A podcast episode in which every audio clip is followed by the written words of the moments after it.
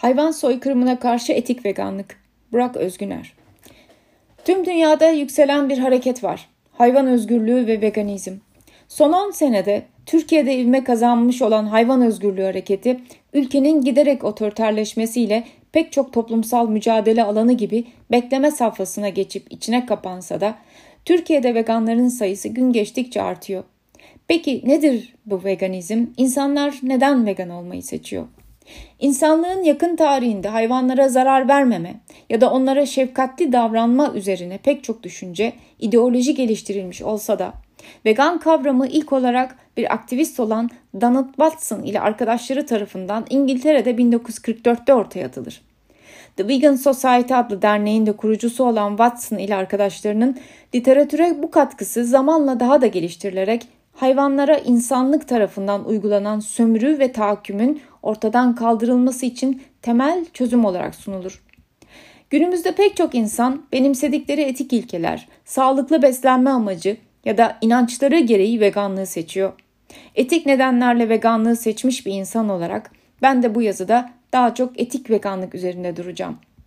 İnsanlığın kendisinden ayrı tuttuğu hayvanlar bütün dünyada insan menfaati için kullanılan birer mal olarak görülüyor. Oysa onlar acıyı, mutluluğu, sevgiyi hissedebilen, duygusal, sosyal ilişkileri olan canlılar. Yavrularından ayrıldıklarında, özgürlükleri kısıtlandığında, işkenceye maruz kaldıklarında stres, acı gibi duygular hisseden ve bizler gibi birçok mental problem yaşayan canlılar. Yani bizden çok da farkları yok. Türkiye'de tür ayırt etmeksizin hayvan hakları ihlallerini raporlayan Hayvan Hakları İzleme Komitesi Hakim'in Türkiye İstatistik Kurumu verilerini de kaynak olarak geçen sene açıklamış olduğu 2016 raporuna göre en az 1 milyar 156 milyon 407 bin 473 yaşam hakkı ihlali gerçekleşti. Bu sayının 1 milyar 106 milyon 235 bin 358'i eti için öldürülen tavuk ve hindileri içeriyor sadece. Hakimin raporuna toplumun geniş bir kesimi tarafından acı çekmedikleri ya da hafızaları olmadığı düşünülen balıklar ve diğer su hayvanları dahil edilemedi.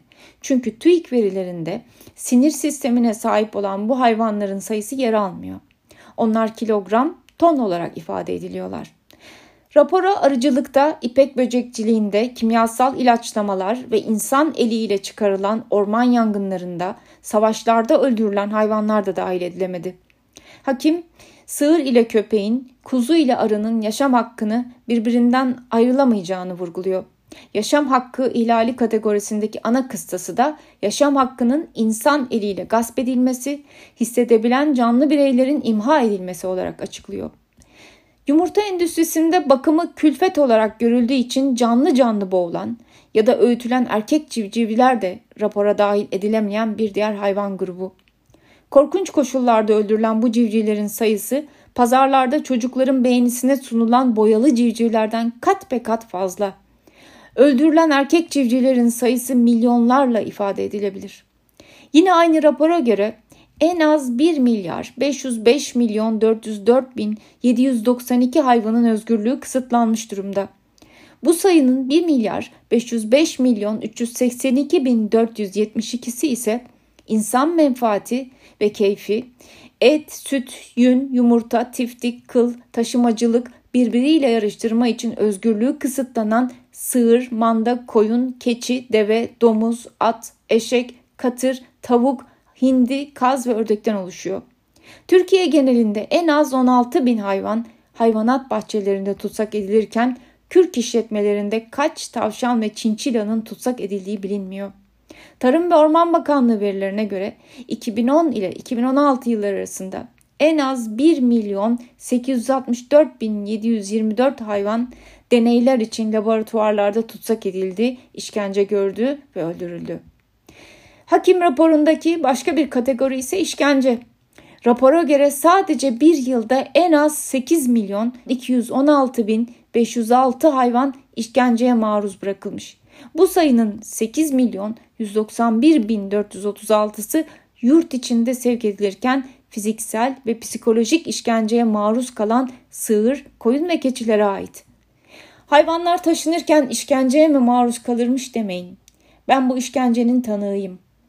Bu sene içerisinde Brezilya'dan sürekli olarak Mersin limanına taşınan sığırların durumunu belgelemek için Mersin'e gittiğimde hayvanlara uygulanan şiddete, hayvanların taşındığı kamyonların durumuna birebir tanık oldum.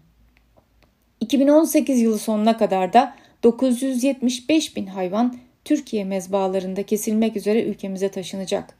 İnsanlık öyle bir duruma gelmiş durumda ki ülkeler okyanus ötesi uzaklıklardan farklı ülkelere hayvan satıyor, gönderiyor. Bu durum kölelik ile birebir benzerlik göstermiyor mu? Süt endüstrisinde ise sistematik bir tecavüz ve esaret olduğunu görüyoruz.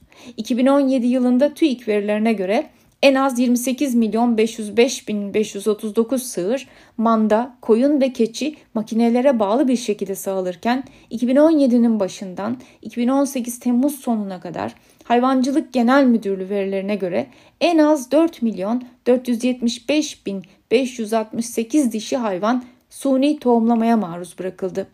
3 milyon 248 bin 534 erkek hayvan cinsel şiddete maruz bırakılarak spermleri için sömürüldü. Suni tohumlama dişi hayvanların rektumlarına, kol, vajinalarına ise demir bir çubuk sokularak yapay olarak hamile bırakılmaları için kullanılıyor. Suni tohumlama için kullanılan spermler ise erkek hayvanların rektumuna bir elektrot sokulup giderek artan bir elektrik akımı verilerek elde ediliyor. Sayılarını en az olacak şekilde belirterek verdiğim bu hayvan hakları ihlalleri sadece Türkiye'deki kayıt altına alınmış ve raporlanabilen vakalar. Dünya geleneğine baktığımızda ise yılda 150 milyardan fazla hayvanın sadece eti için öldürüldüğünü görüyoruz. Bu sayılar korkunç bir gerçeği ortaya koymuyor mu? Soykırım hem uluslararası hem de ulusal hukukta bir suç olarak kabul ediliyor. Hayvanların hakları için mücadele veren aktivistler de hayvanlara uygulanan sistematik öldürme ve işkence fiillerini sonu gelmek bilmeyen bir soykırım olarak nitelendiriyor. Ben de yukarıda saydığım bu sayıları bu soykırımın vehametini ortaya koymak açısından bu yazıda kullanma gerekliliği duydum. İnsanlar için suç olarak kabul edilen soykırım hayvanlar için suç olarak kabul edilmiyor. Sadece soykırım değil, özellikle insan menfaati için sömürülen hayvanlara karşı hürriyetten yoksun bırakma, işkence gibi fiillerde suç olarak kabul edilmiyor. İnsan hayvan ikileminin gitgide arasının açıldığı, hayvanlara uygulanan soykırım ve zulmün medyanın da desteğiyle görünmez kılındığı tekno-endüstriyel kapitalist sistemde hayvanlara uygulanan sistematik zulüm toplumdan büyük bir ustalıkla saklanıyor. Saklanan ve normalleştirilen bu zulüm insanlığın temel bir ideolojisi haline gelmiş durumda. O da türcülük. Wikipedia'dan türcülüğün ne anlama geldiğini aynen alıntılıyorum. Türcülük kısaca canlı bireylere sadece ve sadece ait oldukları türden ötürü farklı değer atfedilmesidir. Oxford sözlüğü türcülüğü insan türünün üstünlüğü varsayımına dayanarak belli hayvan türlerinin sömürülmesi ya da ayrımcılığa uğratılması şeklinde tanımlamaktadır. Ama onlar hayvan söylemiyle başlayan türcülüğün ırkçılık, cinsiyetçilik, homofobi, transfobi, yabancı düşmanlığı gibi ayrımcılık çeşitlerinden hiçbir farkı olmadığı kanısındayım. Bütün ayrımcılık çeşitlerini düşündüğümüzde hepsinde bir inkar, suçlulaştırma, yabancılaştırma, üstünlük kurma olduğunu kolaylıkla görüyoruz. Türcülük ile paralel seyreden insan merkezcilik de dünyayı daha yaşanılmaz hale getiriyor. Türcülük ve insan merkezcilik hayvanları ve doğayı metalaştırıyor, insanlığa onlar üzerinde her türlü tasarrufta bulunma hakkını tanıyor. Bugün hayvan endüstrisi su kaynaklarını tüketen, ekolojik tahribatı ve küresel ısınmayı hızlandıran sektörlerin en başında yer alıyor. İnsan haklarının sürekli olarak hayvan hakları ile çarpıştırıldığı ve her nosyondan üstün tutulduğu, doğanın ise bir kaynak olarak görüldüğü bir sistemde hayvanların hakları da tabii ki yok sayılıyor. İnsan her türlü hakka sahipken hayvanların hakları esnetildikçe esnetiliyor ve insani kesim, şefkat, ötenazi, serbest gezen tavuk gibi kavramlar hayatımıza giriyor. İnsanlığın suçunu hafifletmek için devreye hayvan refahı giriyor. Hayvanları koruma amacıyla çalışan birçok kuruluşunda maalesef arkasına takıldığı hayvan refahı teorisi sömürüye maruz bırakılan hayvanların daha iyi koşullarda yaşatılmasını ve öldürülmesini salık veriyor. Yunus parklarında ve hayvanat bahçelerinde esir edilen hayvanların kafeslerinin genişletilmesi, yumurtası için birkaç metrekarelik alanlara hapsedilen kanatlı hayvanların kafeslerinin ebatlarının artırılması, kesime sevk edilen hayvanların elektroşokla öldürülmesi belki insanların için rahatlatabilir. İnsani olarak sunulan bu uygulamaların tamamı hayvan hakları ve özgürlüğünün tam karşısında duruyor. Mezbaların yumurta, süt üretim tesislerinin, hayvanat bahçelerinin, hayvanlı sirklerin, yunus parklarının, deney laboratuvarlarının içinde neler olup bittiğini göremediğimizi de hatırlatmak isterim.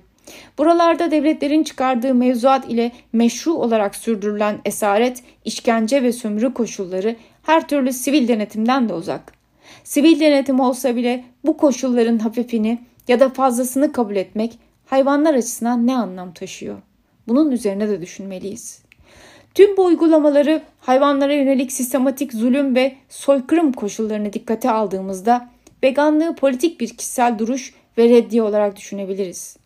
Veganların sayısının artması oldukça önemli ancak veganlığın bir kimlik siyaseti ve trend haline dönüşmesi de hayvanlara yaşatılanların geri plana atıldığı izlenimini veriyor zaman zaman. 2013'te Can Başkent ile ilk Türkçe veganizm kitabını ve ardından Vegan Devrimi ve Hayvan Özgürlüğü kitabını yazan, veganlığın sadece bir diyet şeklinde gösterilip içinin boşaltılmasını önlemek ve etik yanını öne çıkarmak için yaklaşık 25 yıldır mücadele veren Türkiye'deki ilk veganlardan gazeteci Zülal Kalkandelen önümüzdeki aylarda gerçekleşecek olan İstanbul Uluslararası Vegan Festivali'ni eleştirirken şunları yazmış. Veganlığın son birkaç yıldır moda olmaya başlamasından çok önce bu ülkede uzaylı gibi görülen birkaç kişiydik.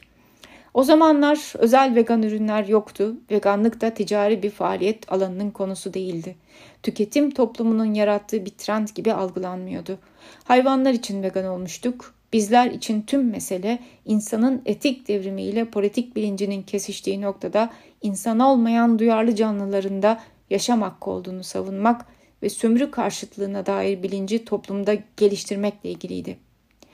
Hayvanların dirileri de ölüleri de aklımıza gelmeyecek şekilde hayatın her alanında sömürülürken veganlık zulme ve soykırıma ortak olmamak için kesinlikle bir alternatif olarak karşımıza çıkıyor.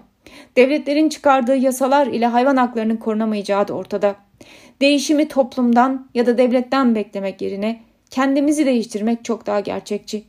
Evlerimizi, sokakları paylaştığımız kedi ve köpeklerden de bizlerden de haklar bağlamında hiçbir farkı olmayan diğer hayvanlara uygulanan şiddeti umursayıp harekete geçersek, vegan olursak daha adil, şiddetsiz bir yaşam sürdürmüş olmaz mıyız? Hayvan köleliği, soykırımı ve ekolojik felaketi durdurmak için tabii ki yeterli değil. Ancak bu da önemli bir adım. Hepimiz kendimizden sorumluyuz ne de olsa. Burak Özgüner 6 Eylül 2018